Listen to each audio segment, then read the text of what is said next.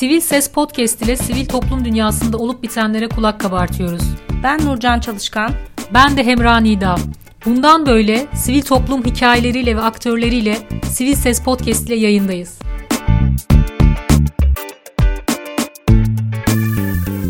Merhaba Sivil Ses Podcast dinleyicileri. Kadın Partisi ile olan yayınımızın e, ikinci bölümüyle karşınızdayız. Yine Benal Yazgan'la birlikteyiz.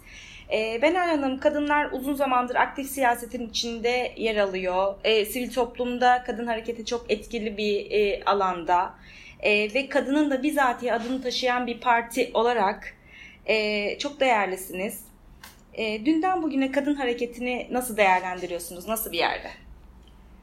Ee, kadın hareketi aslında 1800'lerden başlayan yani çok eski devirlerden başlayan işte kadınlar kadın dergisi çıkararak, kadın gazetesi çıkararak, kadın romanlarını yazarak, e, e, toplumsal cinsiyet e, rollerini fark ettirmeden yazılan romanlar.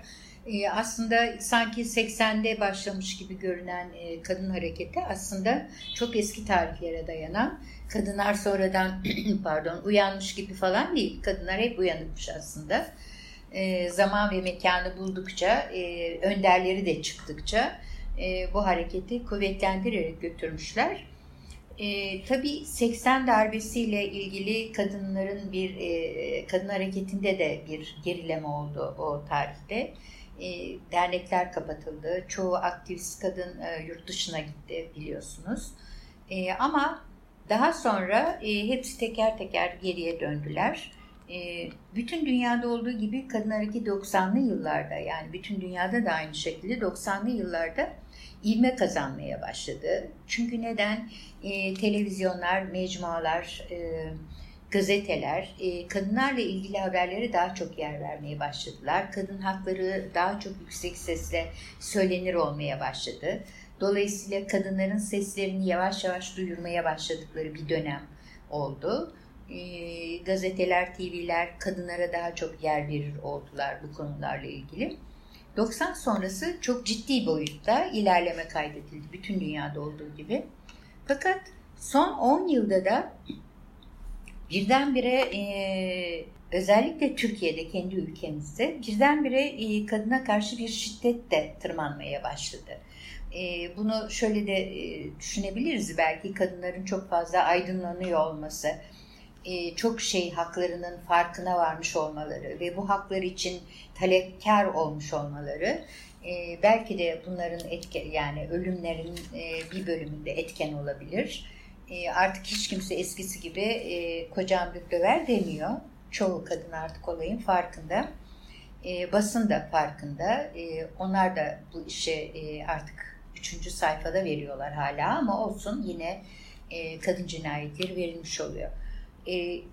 Kadınlar o kadar bilinçlendiler ki artık sokağa çıktıklarında herhangi bir e, polisin onlara e, sert davranacak olmuş olması bunları korkutmuyor artık. Kadınlar sokağa çıkmaktan artık korkmuyorlar.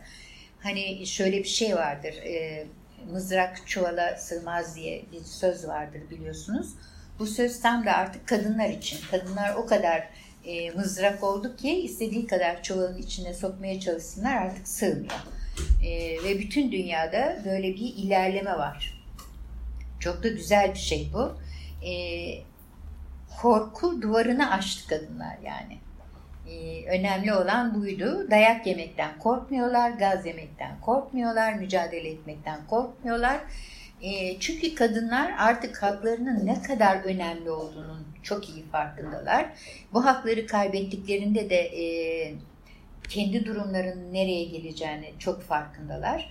Dolayısıyla mücadeleye devam ediyorlar. Bence çok muhteşem de e, kadın hareketleri var bütün dünyada. E, bazı ülkeler, demokratik ülkeler işte kadın başkanlar, kadın başbakanlar, kad, kadının ağırlıklı kabineler e, yavaş yavaş bütün dünyaya da yayılmaya başladı. Darısı bizim başımıza. Sivil toplum temelinde yükselmiş anladığım kadarıyla. Kesinlikle. Peki bu noktada Kadın Partisi'nin sivil toplum kuruluşlarından ayıran ne?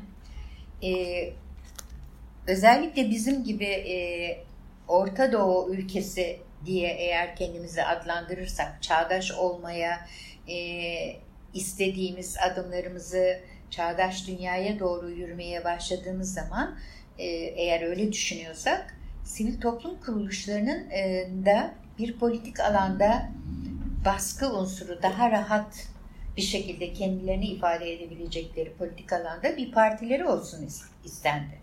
Dolayısıyla e, yolla Kadın Partisi'nin olmuş olması aslında bütün dezavantajlı yani hak koruması talebinde olan bütün sivil toplum kuruluşlarının ana merkezi olması gerekiyor. Çünkü bunun için kurulmuş bir parti o. E, onlar e, üyelik daha böyle e, e, gönüllülük e, tarzında çalışır biliyorsunuz sivil toplum kuruluşu. Ama de, e, siyasi partiler çok da gönüllülük üzerine değil. Orada bir talep var.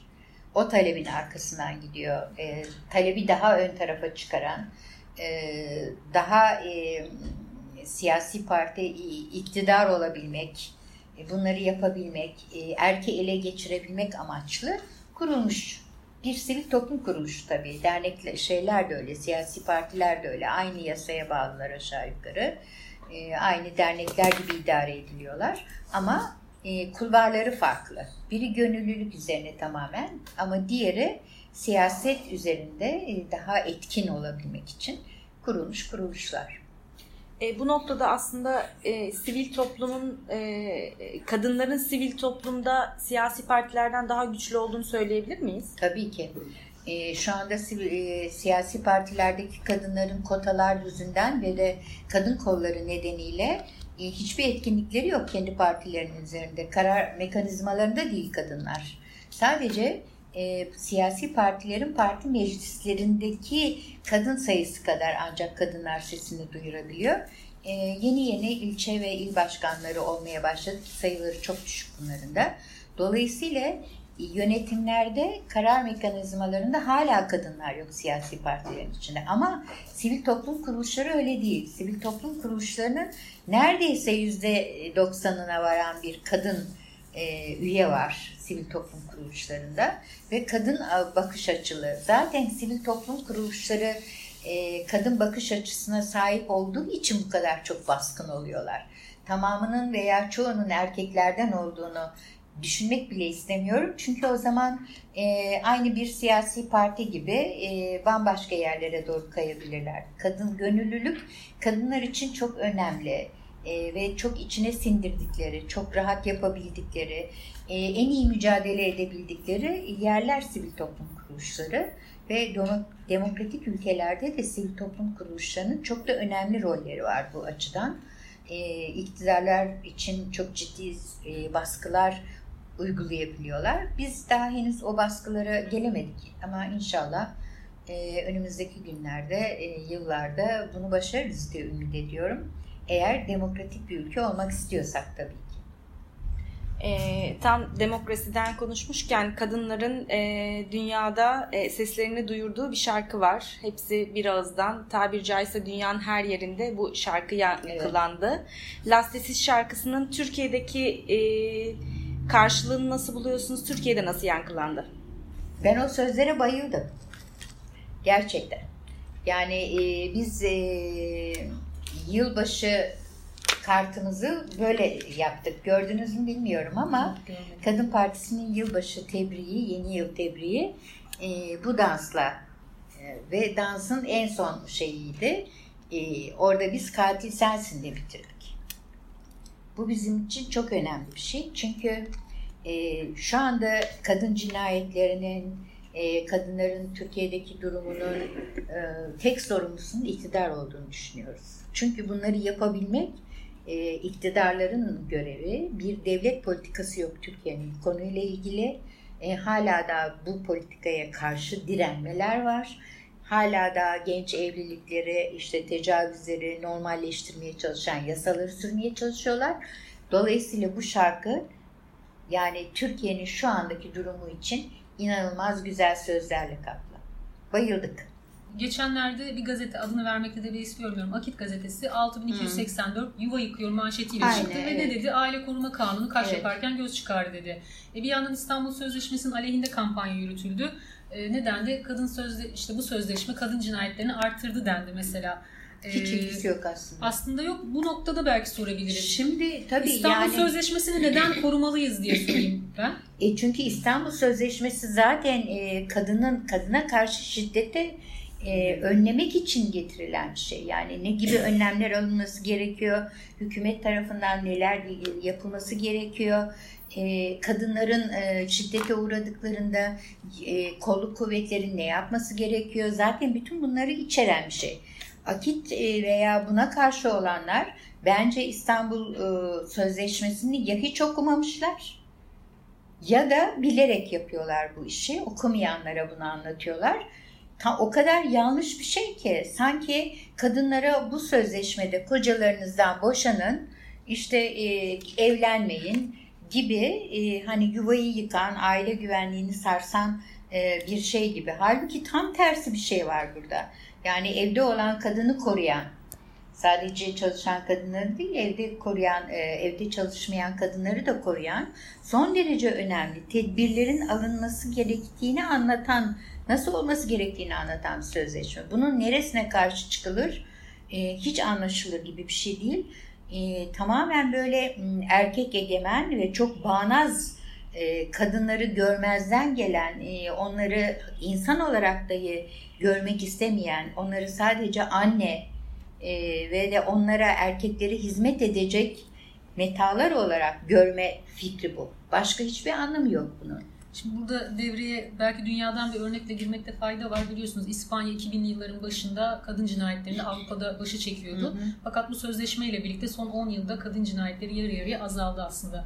Uygulandı da ama Türkiye'deki karşılığı ne yazık ki böyle olmadı. Demin Nurcan'ın söylediğine dönmek istiyorum. Ee, sivil toplum kuruluşları öyle bir söylem geliştirdi. Kadın cinayetleri politiktir diye. E, bu cümleden ne anlamalıyız, nasıl an, yani nasıl okumalıyız? Aslında belki bunu da açabiliriz bu noktada. E çünkü şöyle biraz önce söylediğim gibi e, bütün bunların önünü açabilmeniz için devletin bir politikası olması gerekiyor. Önlemler alması gerekiyor.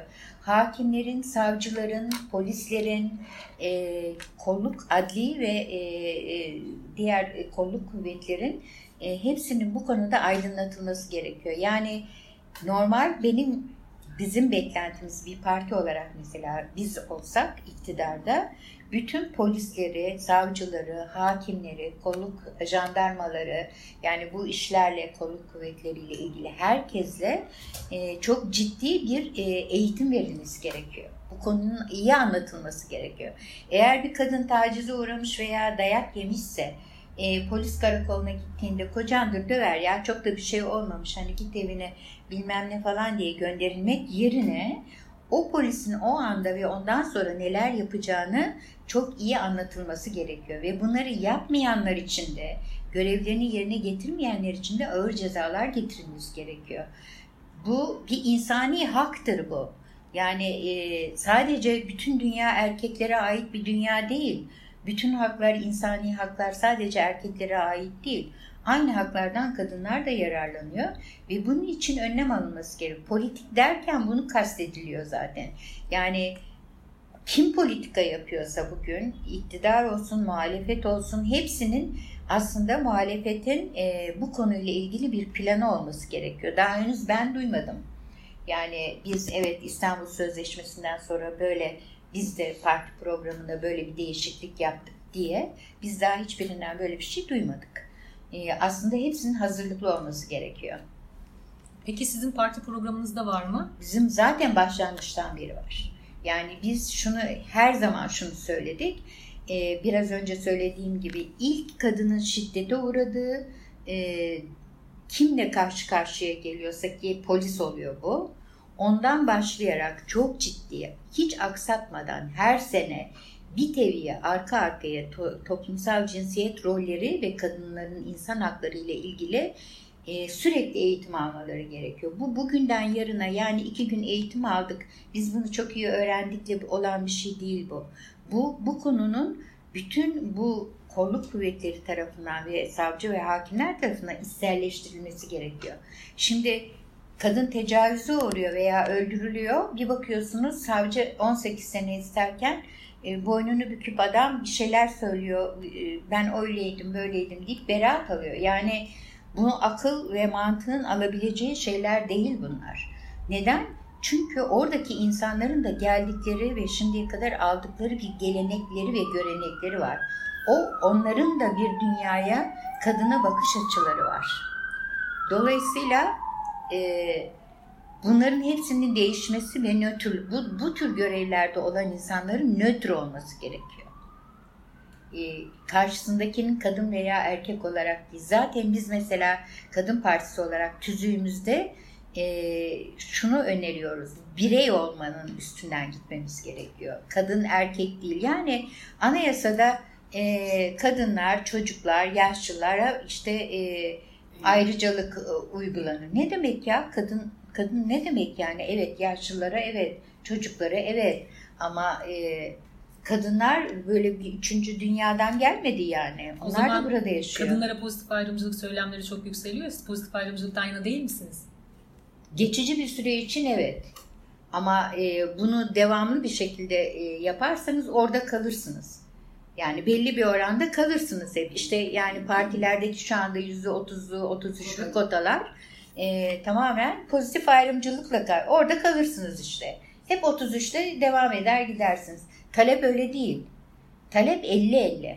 Eşitlik talep var burada. Yani pozitif ayrımcılık başlangıç için çok iyidir. Eğer olmayan bir yerde tabii ki iş kollarında şurada burada pozitif ayrımcılık için başlarsınız ama hep orada durmazsınız. Dünya dönüyor yani. Ee, ve gittikçe ilerleyen bir medeniyet var. Dolayısıyla onun da kendini yenilemesi gerekiyor. Ee, son olarak e, Türkiye'de kadın olmak ne demek? Kadın olmak çok zor Türkiye'de. Herkesin söylediğini söyleyeceğiz. Ama gerçekten zor. Yani artık bu laf falan değil. Ee, erkeklerin anlamadığı bir nokta var. Burada onu söyleyeyim. Yani e, diyor ki biz sizi anlayamıyoruz diyor. Yani niye bu kadar çok hak? Kadınlar bizim işte baş tacımız bilmem ne şudur budur. Hiçbir kadının baş tacı olmak gibi bir talebi yok. Kadınlar haklarını istiyorlar. insani haklarını istiyorlar. Şimdi e, bir erkek e, otobüse bindiğinde e, poposu çimdiklenmiyor. Göğsüne dokunulmuyor. E, orasına burasına dokunulmuyor. Hiçbir erkek e, veya çok az sayıda erkek olabilir. Yüzdeye baktığınız zaman karısından dayak yemiyor. Sokağa atılmıyor. Hiçbir erkek çok sayıda çocuk doğurmuyor. Yani hiçbir erkek kendi yani çok az sayıda erkekleri tabii bunun dışında bırakıyoruz. Evin işini yapıp da çocuklarına bakıp da e, ne bileyim karısı dışarıda çalışınca ona hizmet etmiyor. Yani de, Türkiye'de o kadar zor ki kadın olmak.